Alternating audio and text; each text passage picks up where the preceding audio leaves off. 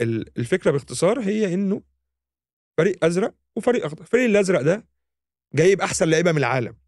ده حتى جايب لعيبة من دول تانية شاريهم مرتزقة. إعارة برضه. آه عشان يلعبوا معاه الماتش. آه. لا بس هو مسير الفريق ال- الأخضر ده إيه؟ هو إيه؟ بيصبر يصبر يصبر. ومرة واحدة كده إيه؟ على إيه؟ القرن الت... على القرن الثامن أو على الدقيقة 80 آه. هتلاقيه بيلسع الجون آه. وشخصية البطل بتنفجر. وبيقلب الماتش على الفريق ال- على الفريق الأزرق. وبيكسب يا باشا. شخصية. عصام الشوالي قال لك إيه؟ فما حاجة. فما حاجة. تمام؟ فما حاجة. وطول ما أنت الفريق الضعيف أو الفريق اللي ناقص منه واحد طول ما الوقت بيعدي الضغط كله على الفريق اللي إيه؟ القوي اللي معاه الإمكانيات. حتى تلاقيها كده في الماتشات الكبيرة فريق قوي وفريق ضعيف. يقول لك طول ما الوقت بيعدي ده في صالح الفريق الأضعف في الحياة أنا حذيفة. وأنا محمد. وإحنا هنا في الدويتو. الحياة ليست عادلة يا صديقي أنا لست صديقك. وبعدين ما الحياة طول عمرها غير عادلة. أنت جاي تكتشف دلوقتي إنها مش عادلة. صاحبي بالراحة. لا مفيش بالراحة. في مش عادلة وفي يا باشا داخلة فينا عكس. بقول لك الحياة بقت عاملة زي مانشستر سيتي وأنا غزل المحل ريال مدريد زانق الغرافة القطري. بايرن ميونخ بيقطع في اتحاد طنجة. ألم. ألم. خدت بالك؟ إيه؟ ألم. أيوه. حط الميم بدل اللام. أيوه. أمل. ساعتها يحصل إيه؟ يحصل إيه؟ يحصل إن في مم. إن دايما الضعيف يعرف يكسب القوي. الأهلي كسب. ريال مدريد قبل كده. آه. كسب روما قبل كده. آه. ليفربول آه. عملت ريمونتادا على برشلونة وإحنا كان معانا ميسي ساعتها. كان ساعتها ألم بقى بس كان في أمل عند ليفربول. كسبت برشلونة بالأربعة. هقول لك فيا بخت إيه؟ يا بخت إيه؟ من بات آه، مظلوم وما باتش ظالم. طب أنا عندي بس طلب صغنن طب ما نبات عادي يعني لا ظالم ولا مظلوم. ليه دايما لازم تبقى حاجة من الاتنين؟ ودايما بتبقى مظلوم. فكك بقى من جو تطيب الخواطر ده لأن أنا أحب دور الضحية. طالما بقى أنت. حظ جابنا إن إحنا نبقى ضحية اديني بقى في الدور للآخر. تحب الدراما أنت. يا عم هي الحياة كلها دراما. يعني آه. هديك مثال بسيط. دونا عن كل بقاع الأرض تولد في الشرق الأوسط. عشان الإنسان يتولد في عملية بيولوجية بتحصل وهي إنه حيوان منوي يلقح البويضة يحصل بيبي الناس تتولد. في حالتنا تولد فين؟ في حالتنا يعني. دونا عن كل بقاع مصر أو إيجيبت تولد في شبرا خيمة. حيث دخان المصانع يلتحم بدخان الميكروباصات والتكاتك ليخترق رئة المواطن الأسمر الراكب في أتوبيسات النقل العام المتهالكة حيث لا يرى سوى صور ويفط السيد الرئيس. حفظه الله ورعاه. حفظه الله. يا عم انت مولود في شبرا وانت مولود في مدغشقر وبعدين ما كانش في نيو ايجيبت ساعتها أصلا ساعة ما انت اتولدت في التسعينات ولا ما أعرفش انت مولود إمتى. عادي يا عم إيه اللي فيها لما نبقى مع الضعفاء؟ وبعدين مصر ساعة ما أنت اتولدت ما كانتش مع الضعفاء. أنت اللي نازل بنحسك وبقيت تخلينا إحنا من الضعفاء. مش ذنبنا إن حضرتك زعلان إن أنت من سكان شبرا الخيمة الفاضلة. في ناس يا عم أسوأ منك وفي ناس إيه اللي فيها يا عم لما تبقى مع الضعفاء؟ الضعفاء دول اللي هم يوم ما هنطلع. برضو- هتطلع وتقول أنا كنت ضعيف وانتصرت وكنت وكنت وكنت. وإذا ما طلعتش. خلاص قدرك يا صاحبي. وهو بقى إيه حلو بقى الموضوع ده. طبعا مم. كل- ربنا ليه حكمة في كل شيء. طبعا. وعشان موضوع القدر اللي أنت فتحته كان ليا صديق قال لي حكمة جميلة جدا. طبعا لربنا حكمة في كل شيء. بس أنا عندي فلسفة في الحياة سارقها من صديق هو حرامي آه. تائب. الحكمة بتقول عندما كنت صغيرا كنت أدعو الله كل ليلة كي يرزقني بدراجة. لكنه لم يستجب لي. كنت أدعو بالليل وأنتظرها بالنهار فلم تأتي وأدركت أن الأمور لا تسير هكذا. في اليوم التالي سرقت دراجة ثم دعوت الله أن يغفر لي. يعني أنت يوم ما تسرق يا جدع تسرق دراجة ومش بعيد تكون دراجة صيني. مع بما إن الدنيا كلها صيني في صيني ده حتى بيقول لك كرة القدم صينية. رغم إن إحنا كلنا عارفين إن هي إنجليزية وبحكم خبرتك يا سيدي محنك اللي بتسرق دراجات الناس آه، كرة القدم هل فعلا اختراع صيني أم هو اختراع في انجليزي؟ البداية أحب أقول لك أنت خدت بالك لما أنت قلت السيد المحنك أنا حطيت رجل على رجل عشان آه. برضه الحركات كرة القدم اختراع صيني واللي سرقها هم البريطانيين زي ما سرقوا كل حاجات يعني أنت روح بريطانيا تخش متاحف بريطانيا تلاقي أبو الهول قاعد هناك. تروح ال- الإخوة في ألمانيا يقول لك متحف برلين تلاقي نفرتيتي قاعدة هناك. يا عم فترات معايشة. فترات معايشة. واخدينهم إعارة. بالظبط. فهم يعني ما شاء الله عليهم في ال- السرقة أو الاستعارة. استعاره ناس 100% قصة باختصار إنه كرة القدم هي اختراع صيني في سنة 2300 قبل الميلاد. من بدري قوي كده. من قبل الميلاد من قبل ميلاد السيد المسيح. آه كرة القدم مخترعة عند الصينيين بيلعبوها من 2300 سنة قبل ميلاد السيد المسيح. وكان اسمها بالصيني تسو تشو وكانت الرياضة فيها جانب من أنواع ال- العنف البدني عشان كده كانت بتستخدم في التدريبات العسكرية. لكن التاريخ يعني فترات غير متصلة بتحصل فترات انهيار وفترات صعود لأمم لكن كرة القدم في الصين كانت رياضة إمبراطورية والأباطرة الصينيين كانوا بيقيموا احتفالات في مباريات كرة القدم والفكرة الأساسية بتاعت إن الكورة تخش الجون دي كانت موجودة لغاية القرن ال 19 وأفتكر إن أنا قلت لك إن كرة القدم هي رياضة عسكرية وهي بطريقة ما بتحكي تاريخ آخر مخفي للعسكرية في العالم. بعد ما كانت في الصين حصلت فترات صعود وهبوط اليونانيين لعبوها والمصريين لعبوها كل ده بتكلم عن الناس اللي هم الانشنتس الناس. القدام. وبعدين اختفت كرة القدم لفترة من التاريخ وبنروح للقرن ال 19 لما أعيد تعريف كرة القدم من جديد. في حرب تسمى حرب القرم كانت ما بين القوات الروسية من جهة وتحالف عثماني فرنسي إنجليزي تفهمش إيه اللي لمهم على بعض بس قرروا إن هم يحاربوا الروس على الجبهة بيبقى في فترات هدنة الإنجليز الجنود الإنجليز بدأوا يلعبوا كرة القدم ويقسموا نفسهم بفكرة الفريقين فكرة الفريقين وجوان وبدأوا يعملوا قوانين لأنه برضه خد بالك دول عساكر لو قفشوا على بعض ممكن واحد يطخ يعمر. ويطخ التاني آه. فقال لك نعمل قوانين واضحة وتكون إيه؟ منضبط. جزء كبير جدا من القوانين اللي بنطبقها النهارده في كرة القدم اللي بنتفرج عليها واللي بنلعب بيها في الشوارع واللي بنلعب بيها في الملاعب كل حتة هي اختراع عسكري بشكل واضح. في كتاب اسمه الكرة مدورة تاريخ عالمي لكرة القدم. ممتاز جدا وبيشرح هذه المسألة بشكل مفصل وجميل جايب تاريخ الكرة. في كتاب تاني لفيلسوف طبعا عشان الناس تقول لك الكوره مش مهمة وكلام فاضي والكلام ده لا الكورة شيء مهم جدا لأنها بتفسر لنا العالم كتاب للفيلسوف الإنجليزي سايمون كريتشلي اسمه فيما نفكر حين نفكر في كرة القدم طبعا واضح فلسفة. فلسفة قوي. واضح من العنوان الفلسفي الراجل مشجع ضخم يعني عنيف لليفربول وبيقول إن الكورة بتفسر لنا حاجات في الكتيرة في الحياة منها الحرب لو خدت بالك خدت بالك والناس بتتفرج مركزة كويس تكتشف إنه كمية الألفاظ والمصطلحات اللي في كرة القدم اللي جاية من الحروب والجيوش مفيش زيها. يعني كرة القدم قاموسها هو قاموس عسكري. خد معايا. الشوطة القوية بتسميها إيه؟ صاروخ مثلا. أو قذيفة. قذيف جايين منين دول؟ من هناك من الحرب. لما فريق مثلا زي ريال مدريد يلاعب بايرن ميونخ في نص نهائي دوري أبطال أوروبا ويخرجوا من البطولة. تاني يوم الصحافة بتقول إيه؟ إيه؟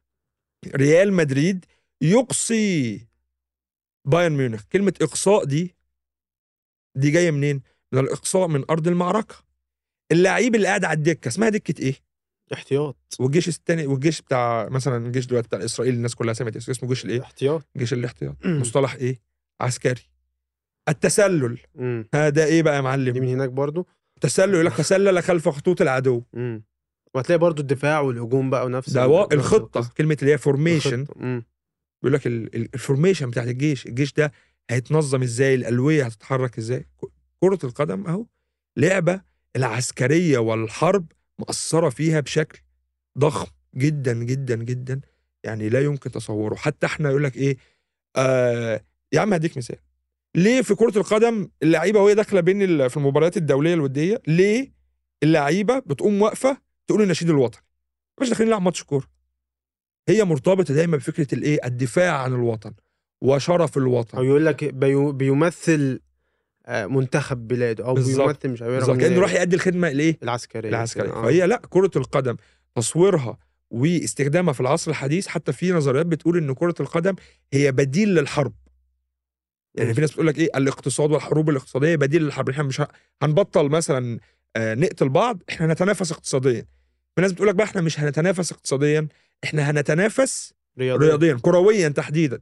وقومت حروب زي الحرب اللي قامت ما بين السلفادور والهندوراس قبل كده بسبب مباراة كرة قدم في تصفيات آه، كأس العالم والدنيا ولعت. حرب. فهي كرة القدم مرتبطة جدا بالحروب. وأنا شايف إنه ممكن أصلا الوضع اللي إحنا فيه دلوقتي الوضع يعني اللي بيحصل آه، في غزة ممكن بسهولة جدا نحوله لمباراة كرة قدم. تمشي تمشي قوي انها مباراة كرة قدم غير عادلة وغير متكافئة بالمرة بين فريق خلينا نقول الفريق الأزرق آه. قصاد الفريق الأخضر. إحنا مع مين بس الأول؟ عشان لازم مع. الأخضر ما أنت لابس الأخضر. أهو. إحنا اخضر اخضر اخضر يعني فاخضر آه صح. للأبد. آه، هو كان بزرق بس مش مشكلة. آه. فالفكرة باختصار هي إنه فريق أزرق وفريق أخضر. الفريق الأزرق ده جايب أحسن لعيبة من العالم. ده حتى جايب لعيبة من دول تانية شاريهم مرتزقة. إعارة برضه. آه عشان يلعبوا معاه الماتش. آه. ومدربهم في أحسن آه مديهم أحسن تدريبات. ومدربهم في أحسن الملاعب. ولابسين آه، تيشيرتات أصلية. وجزم كرة نايكي وأديداس. وبص عاملين لهم كل حاجة. ومعاهم مدربين جاهم بقى من آه، الفريق ال- الأحمر والفريق الأزرق التاني اللي في أوروبا. الفريق الأحمر ده حاطط نجمة كده حاطط نجوم نجوم أيوة. صح؟ آه. وجايين يلعبوا فريق ناس مجمعة بعضيها تمام؟ اتفرضت عليهم مباراة مرة واحدة. آه يلا. الناس نازلة مش مستعدة لأي حاجة. مم. تحس إن هو الماتش يعني هم صحوهم من النوم كده يلا يا رجالة عندنا ماتش. هنلعب على أرضكم ومش هندخل جماهيركم. وعشان يعملوا شوية إثارة كده و suspense في في الماتش حطوا شوية قوانين كده اللي هو إيه إحنا الفريق الأزرق ممكن يلمس الكرة بإيده عادي يعني هنمشيها له بس الأخضر ما يلمسهاش. ومفيش offside على الفريق الأزرق. والفريق الأزرق لو احتاج ممكن يلعب زيادة بس الفريق الأخضر إجباري هيلعب ناقص. وعمالين هجمات هجمات هجمات هجمات. والجمهور بره بقى إيه؟ قطعوهم موتوهم. آه جمهور الفريق الأزرق. الفريق الأزرق آه. بالظبط ما هو الجمهور الأخضر أصلا ما دخلش. آه جم يدخلوه. قال لهم إيه؟ المعبر مقفول آه الباب مقفول. الباب مقفول ما حدش هيخش. ما فيش ده ماتش أصلا بدون جمهور. آه. وبس هم عندهم جوه عندهم جوه آه، جماهير. جايبين جمهورهم هم وداخلين على الناس وتقطيع. خد بالك كل ما الفريق الأخضر يجيب جون حكم الرايه رافع لي إيه. رافع الرايه يا باشا نزل إيدك يا آه. باشا الجون ده- شرعي. ده الواد متحرك. من, من من قبل نص الملعب. يا عم متغطي بالدفاع أهو ده مخترقهم. أهو راية. فضايح فضايح وكوارث فاللي كنت عايز أقوله ان كرة القدم عندها قدرة تفسيرية على المسألة دي. خد بالك هو التبادل رايح جاي. يعني قلت لك شوف مثلا إحنا اتكلمنا إنه القذائف وال والصواريخ والتسالي كل دي مصطلحات دخلت. في بقى مصطلحات جديدة. قابل الجديد. الجديد منه بقى. إيه الجديد منه؟ إيه الجديد منه؟ الجديد منه إن أنت هيبقى عندك هدف من المسافة صفر. آه ده لازم ده- يخش. ده هيخش. لازم يخش. لازم يخش. ده مثلا إيه؟ عارف أنت التيكي تاكا؟ أه. بتاعت برشلونة يقعدوا يتكتكوا كده لغاية ما إيه؟ كان الواد مثلا ميسي يقوم مباصيها لديفيد فيا. ديفيد فيا الجون فاضي يحطها جوه ده الجون المسافة صفر. هو ده المسافة من صفر على الخط الشاب. بيجري يحط البتاع يرجع أو يجي زميله التاني جنبه. آه على طول. ودي. في جول اللي هو بتاع اللي هو انت بتاخد الكرة من آخر الملعب تعدي بقى ال 11 لعيب وت- و- وتشوت مثلا أو تجيبها جون. ده إيه؟ إيه؟ ده الفدائي. آه. ده عبوة الفدائي. أو صح كرة الفدائي. بالظبط. بياخدها ما يهموش آه. يوصل لغاية الحارس بتاعهم آه. ويضربوه مهما. يضربوه مش مهم. هيجيب الجول فدائي. آه أنا بقول لك مثلا و... وإنزال خلف خطوط العدو آه. فاكر أنت لما تشافي كان يبقى في نص الملعب وداني ألفيز يقطع كده من ورا ويقوم لاعبها له؟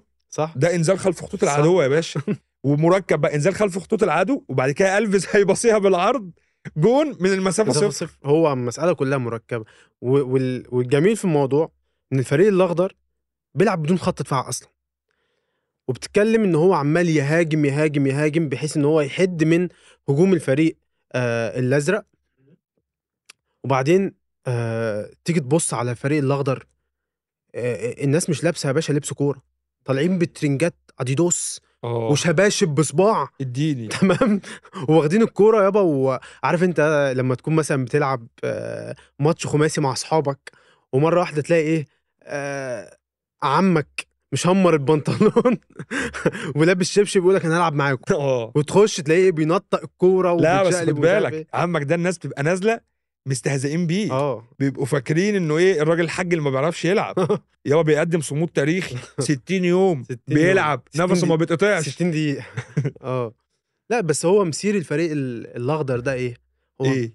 يصبر يصبر يصبر.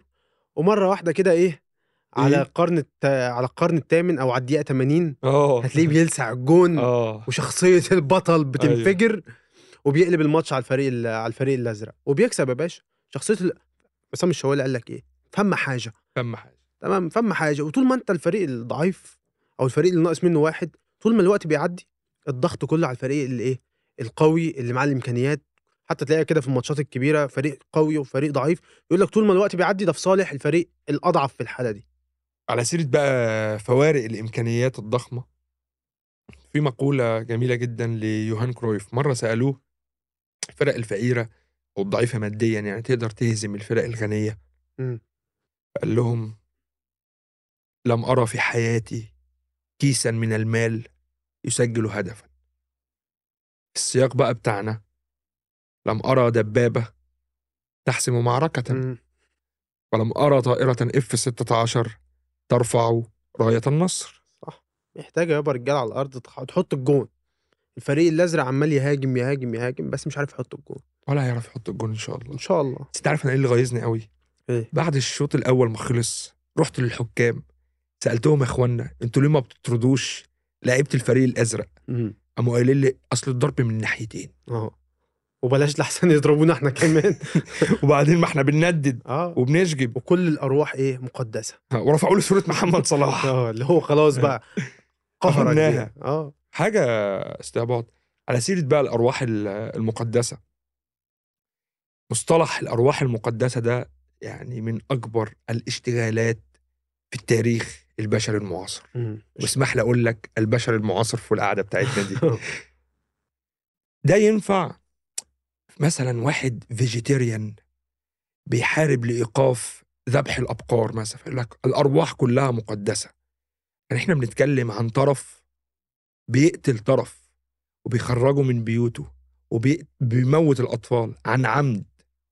هنا مسألة حق وباطل والحق لو خرجت منه سنتي ملي أنت بقيت في إطار الباطل.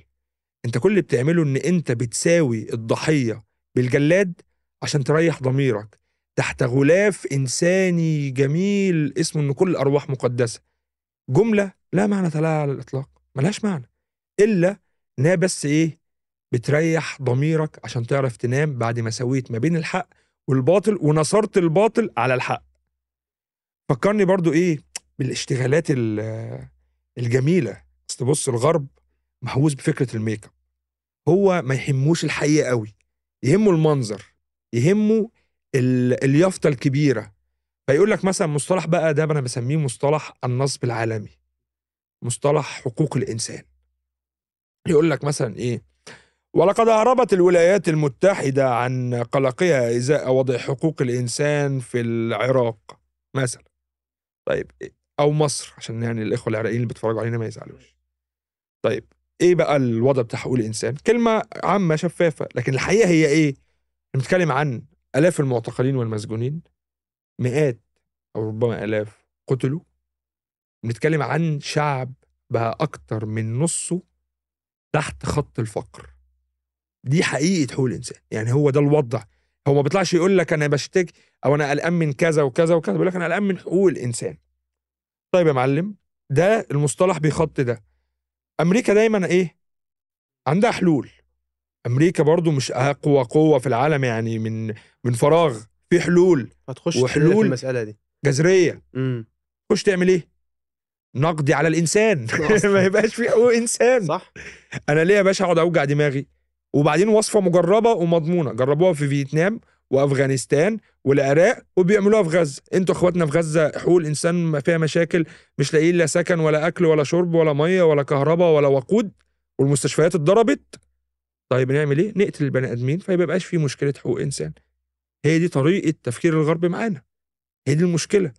هو بيحط مصطلحات ضخمة يخبي بيها الزبالة. عامل زي المؤاخذة يعني لما تقوم رافع ال- السجادة واكنس إيه؟ تحتها. السجادة شكلها جميل. بس الريحه طلعت وفاحت والموضوع أفور. بس السجادة إيه؟ لك شكلها جميل. ويقعد ياخد بقى صور السجادة. بص يقول لك دي مؤاخذة تطريز إيراني ودي تطريز آه، بص من أيام الشاه مش عارف مين وجاينا من آه، مهربة في كونتينر. وكلام بقى من إيه؟ تسليك. زي مثلا موضوع يقول لك إيه آه، ازدواجية المعايير. مصطلح برضو إيه خطير. مصطلح برضو ضمن إطار النصب العالمي. مصطلح ممتاز على فكرة يعني. مش مصطلح هو مش وحش في العموم هو ممتاز جدا في حالة أنا لسه مرر بيها من يومين. كنت مع الوالدة قاعدين على السفرة وإحنا قاعدين كنا طابخين فراخ. شايلة الصدر ومدياني الصدر وشايلة الورك ومديها لاخويا وهي عارفة إن أنا بحب الورك.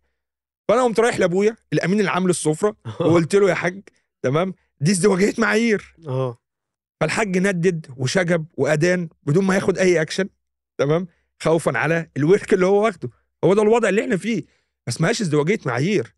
أنت بتعامل الضحية والجلاد تاني بنفس المقياس وبنفس الميزان وما بتديش الضحية فرصة ان يدافع عن نفسه. يبقى ده اسمها إيه؟ خسة وندالة وحقارة وتواطؤ. انما ازدواجيه معايير الله. كل ده عشان ورك الفرخه عامله زي وبعدين مش الغرب بس يعني انت برضو عمال تلبس الغرب التهم بتاعت المصطلحات التجميلية والكفر اللي بيحطوه على بلاوي وفساد وانت برضو بيبقى عندك نفس الشيء جوه عندك. عارف انت اللي هو بتتسأل عم يعني بتتسأل آه، عندك فساد وعندك لا وانت عندك جوه.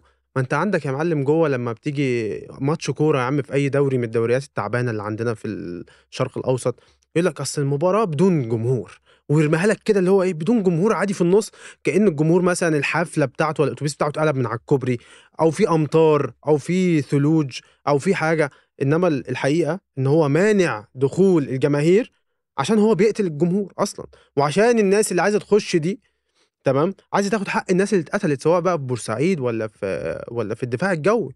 فده برضو انت عندك نفس الفكرة بتاعت المصطلحات الوهمية المصطلحات اللي بتغطي على آه، مشاكل وبتغطي على فساد وبتغطي على ظلم كبير. بس هي اللي كنت عايز أقوله يعني في في السكة اللي إحنا واخدينها دي إنه شوف ال ال النظام العالمي عارف كلمة النظام العالمي دي بتخض بس النظام العالمي كله بايظ. يعني كلمة فاسد هتبقى مجاملة مننا في طرفه. هو بقى عبارة عن آه، أذرع لتغر... لتحقيق أغراض سياسية واقتصادية و... واستعمارية. ولما بنقول استعمارية دي مش مش مبالغة. يعني أنت مثلا الفيفا هيئة قلنا الرياضية وتحافظ على سلامة الرياضيين والكلام ده كله.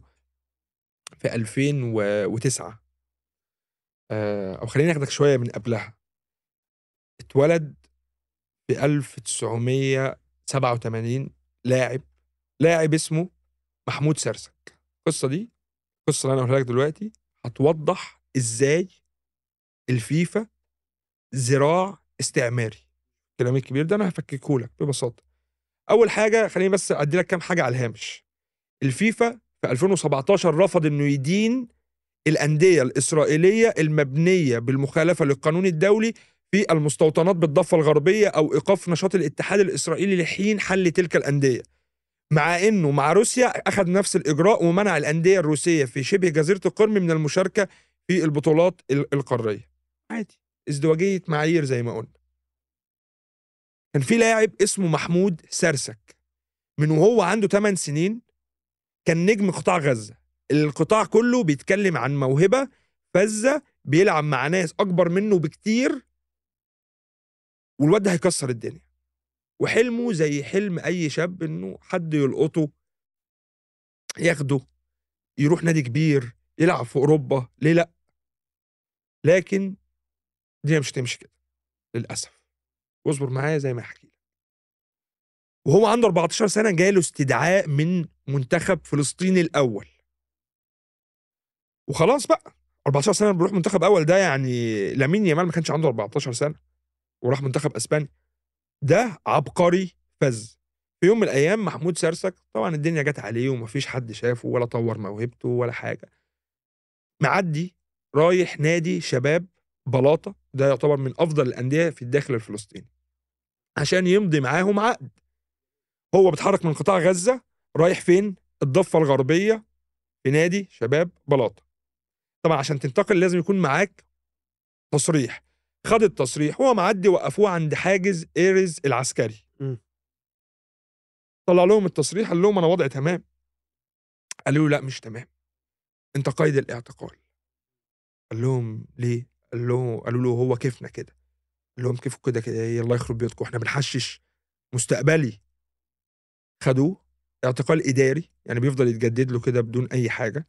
وبعدين مش عارف لفقوا له تهمة. الواد مستقبله بيضيع. قام أضرب عن الطعام 96 يوم لغاية ما وصل لمرحلة الموت الإكلينيكي. خلاص الراجل بيموت.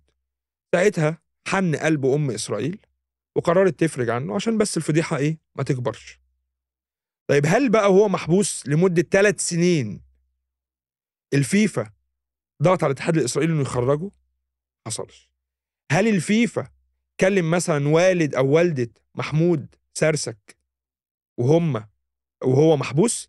ما حصلش. رغم إن رئيس الاتحاد الدولي دلوقتي موجود بيقول لك أنا كنت بكلم رئيس الاتحاد الأوكراني على مدار الساعة. عشان اطمن عليه. ساعة الحرب على ساعة الحرب الروسية على أوكرانيا. يا جدعان اللي بيحصل؟ في إيه يا اخوانا هو ده الفيفا. في الآخر خالص لما بقى محمود سرسك خرج قال لك نرحب بهذا القرار والكلام الفاضي ده. هم جزء من عملية قتل الرياضة الفلسطينية. واحد يقول لك يعني هي إسرائيل سايبة كل حاجة وماسكة في الرياضة الفلسطينية؟ آه. لأنه مثلا حسب المؤرخ الإسرائيلي الغير صهيوني إيلام بابي بيقول إن استراتيجية إسرائيل العامة بيقول إن استراتيجية إسرائيل العامة في التعامل مع فلسطين هي الخلاص من الوجود الفلسطيني. فبنقتل اللي نقدر عليه زي ما بيحصل في غزة دلوقتي. والحاجة التانية هي محو أي وجود معنوي لفلسطين في الذاكرة الإنسانية والتاريخ اللي إحنا عايشينه. الرياضة باعتبارها المسرح اللي الناس كلها والدول كلها بتتقابل على خشبته وبتلتقي وبتعرف على بعضيها وبقت دلوقتي كمان مسرح إن أنت تعرض قضاياك السياسية أو تقف تقول ده غلط ده صح ده كذا زي ما امبارح عمل أحمد حسن كوكا ربنا يبارك له ورفع الصورة بتاعت رفع التيشيرت وبين الصورة بتاعت روح الروح. الروح. هم عارفين الإسرائيليين إنه ممكن لما يبقى في لعيب فلسطيني عالمي زي محمود سرسك ما كان ممكن يكون ده هيعمل لهم مشكلة. اقضي على الموهبة دي. وفعلا قضوا على الموهبة دي. صحيح نال حريته. بس شوف هو كان رايح فين. وانت دخلته فين؟ دخلته في معركة الراجل كان هيموت عشان بس يطلع من السجن. فأنا بقول لك عليه إنه دي كلها منظمات في إيد النظام العالمي وتحديدا يعني أمريكا و أنا حتى مش عايز أقول فرنسا ولا بريطانيا. في ايد ماشي أمريكا وإسرائيل. أنت أنت مقتنع إن الفيفا بتساعد بشكل ما أو بآخر؟ كل الأن- كل المنظمات الدولية. كل المنظمات الدولية ومن ضمنهم النظام. العالمي بقى كله. النظام يعني- يعني المنظمات العالمية دي مم. لما بتتكون مع بعضيها وبتطلع قرارات وبتطلع بقى بتشكل العالم ده بيديك النظام العالمي اللي انت عايش فيه. ده نظام كله فاسد. طيب رياضيا تحديدا وتحديدا الفيفا ذات نفسها اللي انت لسه جايب يعني اسمها وقايل إن هي بتساعد إسرائيل بشكل ما أو آخر أو بتسكت أو بتدعم إسرائيل أحيانا. مش بس بالأمثلة دي إحنا قلنا أمثلة في حلقة. اللوبي الصهيوني وقلنا أمثلة في حلقة التطبيع. موضوع يعني من يوم ما ربنا خلق كرة القدم والرياضة وإسرائيل ظهرت والمنظمات دي كلها بتدعمها آه. خد بالك أنت كده بت- بتعمم بشكل واضح إن كل المؤسسات الدولية والمؤسسات الغربية كلها فاسدة ومفيش بقى إيه آه مفيش حد صالح كله بتاع مصالح. فعايز بقى أقول لك إن أنت مثلا آه يعني حاجة جادلك بيها بالكلام اللي أنت بتقوله آه إن مؤسسة زي الصليب الأحمر مثلا في قلب فلسطين في قلب الحرب متواجدة. وبتكون حريصة إن هي مثلا آه توصل مساعدات إغاثات آه، وساطات ما بين ال- ال- طبعاً. الفلسطينيين والإسرائيليين. أمال! لأ ده ده موجود على أرض الواقع اللي مش موجود طبعا بتنكر طبعا. حقيقة ليه؟ أمال! تنكر حقيقة. أنا ما ده- بنكرش ده موجود. حقيقة. أمال؟ أنا الصليب الأحمر دول حبايبي. مم. حبايبي. أنا شوية وهعمل ماجستير في الصليب الأحمر. أنا هحكي لك حكاية دلوقتي عن الصليب الأحمر. أنت وعلي والرجالة كلها هيقولوا إنها ما تطلعش إلا من شيطان مش من ملاك. بص يا سيدي. هحكي لك موقف دلوقتي حصل في سنة 1972 لما هقول لك في الآخر مين اللي حكاه هتتصدم صدمة عمرك. السنة دي وصلت مطار الليد طيارة اسمها سابينا الطيارة دي كانت رحلة جاية إسرائيل. قدر أربعة مقاومين فلسطينيين من منظمة أيلول الأسود إن هم يخطفوها. وعندهم طلب بسيط لم يؤذوا راكب ولم يقتلوا أي أحد. إحنا يا إخوانا هنديكم الناس بتوعكم وادونا أسرى عندكم في السجون. تمام. وهناخدهم نطلع بيهم فين؟ على دولة عربية. وإحنا عايزين الصليب الأحمر يكون هو الوسيط. الدنيا جميلة. جه الصليب الأحمر. يلا يا جدعان عشان إيه؟ نسلم ونستلم. السلطات الإسرائيلية قالت من عينينا والله بس خلينا نتأكد إن الطيارة إيه؟ تمام لازم نعمل لها صيانة. وقاموا جابوا فرقة من وحدة سيرت متكال الخاصة. لبسوهم لبس الميكانيكيين الأبيض. عشان يعملوا الصيانة. المقاومين حسوا إنه إيه في حاجة غلط. فطلبوا من الصليب الأحمر إنه يفتش الناس دي. الصليب الأحمر قام عمل إيه؟ الصليب الأحمر فتشهم.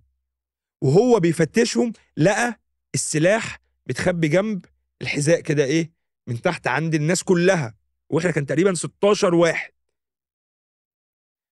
في أحد المواقف بيحكيها الشخصية اللي هقول لك عليها في الآخر بعد ما لمس الحذاء قام قايل إيه بتاع الصليب الأحمر؟ قام قايل إيه زي oh my God يا إلهي. رد عليه الشخصية دي قالت له إيه؟ الله is great الله أكبر. ودخلوا وسابوهم ودخلوا وقتلوا اتنين من المقاومين واعتقلوا الاتنين التانيين. مين اللي بيحكي بقى الكلام ده؟ مين بقى؟ بنيامين نتنياهو. أصلا. في مذكراته. لسه قاريها من يومين. يعني لو الذاكرة شغالة شوية كنت قلت لك الصفحة. ال... إسرائيل نفسها إسرائيل نفسها ما بتحبش الصليب الأحمر. إسرائيل تكره الصليب الأحمر بسبب ما فعلوا في الحرب العالمية الثانية الصليب الأحمر من سنة 1942 وهو عارف انه النازيين بيرتكبوا الهولوكوست. وإدى تقارير للحكومة الأمريكية وحكومات أوروبية إنه يعني إحنا بنتواصل مع الحكومة الألمانية وإنه يعني المسألة مش قد كده مش كبيرة قوي. وأيام الحرب كانت يعني ما كانش بيساعدهم بشكل كبير تمام؟ لغاية النهارده الاسرائيليين مش ناسيينها الصليب الأحمر. الصليب الأحمر نفسه تاني عمل حاجة من أحط الاشياء اللي ممكن إنسان بيقول إن هو شغال في الإغاثة إنه يعملها. معتقل جوانتنامو أسوأ معتقل عرفته البشرية كلها. الصليب الأحمر كان مشارك فيه. معتقلين كانوا بيروحوا معتقل جوانتنامو يتعرضوا لصنوف من العذاب محدش يعرفها لسه يعني عرفناها بعدين. كان بيجي مندوب الصليب الأحمر للمعتقلين يقول له أنا معايا رسالة من والدتك أو من أبوك. تخيل واحد محبوس بقاله أربع سنين بيتعذب ممكن أصلا ما كانش بيفتح عينيه. يتقول له معايا رسالة من والدتك. بس قول لي أنت عملت إيه عشان يجيبوك هنا؟ ما تعترف لهم يا عم وتريح نفسك. ده الوضع هنا لا يطاق. وكانوا بيباشروا المقابلات مع الناس المفروض جايين يطمنوا عليهم ويحموهم ويدوا لهم حقوقهم. ب أنت عملت إيه عشان تيجي هنا؟ بيفترضوا إن هم أصلا مذنبين. وبيحكي القصص اللي أنا بقولها لك دي آه معتقل مغربي أو إسباني من أصول مغربية اسمه الحسن لكسري لكسارين. حسن لكسارين كان معتقل هناك لمدة أربع سنين. وبيحكي الكلام ده إنه شافه بعينه من الصليب الأحمر مع زملائه المسجونين. بيعاملوهم إن هم إيه؟ مذنبين. أسبانيا ضغطت جدا على أمريكا إن هي ترجع آه، اللي أحسن. رجعوه. تم إعادة محاكمته في مدريد. حصل على براءة.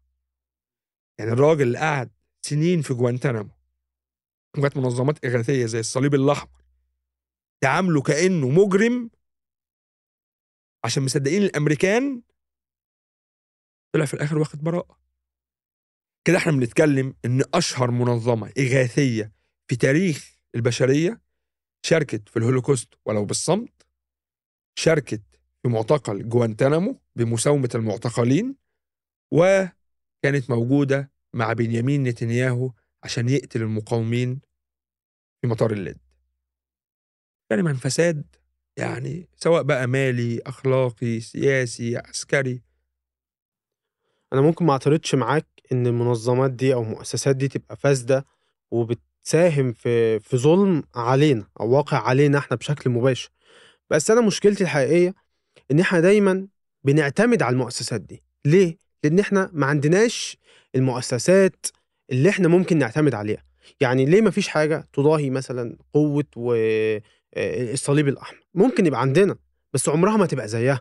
ليه إحنا مثلا ما عندناش مؤسسات أو منظمات هي اللي تكون أو تبقى الوسيط ما بين مثلا والله آه، دلوقتي في الحرب مثلا ما بين آه، الكيان وما بين الفلسطينيين. مفيش حاجة زي كده. إحنا دايما بنعتمد عليهم بنعتمد على الناس اللي إحنا بنقول الناس دي بتحاربنا. يعني هل أنت يعني في الحرب دي ومع مع مع كل يوم بيعدي هل أنت مؤمن إن إحنا الحرب دي ضد الكيان آه، الإسرائيلي فقط؟ أكيد لأ. كل يوم بنكتشف إن والله أمريكا. إيه ده؟ أوروبا. آه. بلد ورا بلد كل يوم بتنكشف. فتيجي تبص على المؤسسات اللي إحنا بقى بنقول بنو بنناشدها عشان تيجي تلحقنا زي الصليب الأحمر يعني على المثال بتبص تلاقيها فاسدة. طب أنت ليه يا باشا بتناشدها؟ ده اسمها الصليب الأحمر. الصليب أنت مستني مؤسسة الصليب الأحمر تيجي تدعم أو تدعمك في في آه، قضية إحنا مؤمنين إن هي قضية دينية للإسلام. فم يعني يعني أنا في تعارض قوي جدا بس أنا عايز أقول لك. حاجة. أنا يعني مختلف شويتين ثلاثة معاك في القصة بتاعت إنه اسمها الصليب الاحمر لأنه في الصليب الأحمر مثلا اللبناني والمصري وكذا. في النهاية اللي بيحصل برضه في للمسيحيين الفلسطينيين مش أقل من اللي بيحصل للمسلمين. في النهاية عشان بس ظروف الديموغرافيا فهو متصدرة إنه المسلمين اغلبيه لكن شفنا الكنيسة بتتقصف عادي. فالمساله مش مسألة إنه الصليب ضد الهلال لكن هو طبعا الصليب اللي هم عاملينه بيه تمام؟ ده بيرمز لحاجة تانية ملهاش علاقة بصليب مسيحيي الشرق هو بيرمز ليه مساله الصليب الأوروبي الحروب الصليبية اللي إحنا دي بقى إيه يعني التبشير والكلام ده كله. طبعا التبشير ده برضو مسألة يعني إيه الصليب الأحمر ما شاء الله عليه فيها. لكن اللي أنا بتكلم فيه بعد يعني ما نوضح إنه مسألة فلسطين هي للمسلمين وللمسيحيين إنه الناس دي آه بيعبروا عن مصالح ناس تانية. يعني أنت عارف الصليب الاحمر ده لو بيدافع عن مست... عن المسيحيين فلسطين والله هيبقى دوره كفاءة. هو ما بيعملش ده. هو بيعبر عن مصالح فلسطين مسيحي أمريكاني صهيوني اسمه بايدن وإدارته وشلته والجماعة اللي هناك. فده بقى بيودينا للجذر التاريخي اللي أنت اتكلمت عنه. واظن الرسالة وصلت. وإن شاء الله الفريق الأخضر هو اللي هيكسب. بالظبط. ولو وصلت لغاية هنا فأحب أشكرك جدا اولا وبعدين يا ريت تعمل like وتسيب comment وتبعت الحلقة لثلاثة أربعة كده من صحابك لو عجبتك. بث حديث.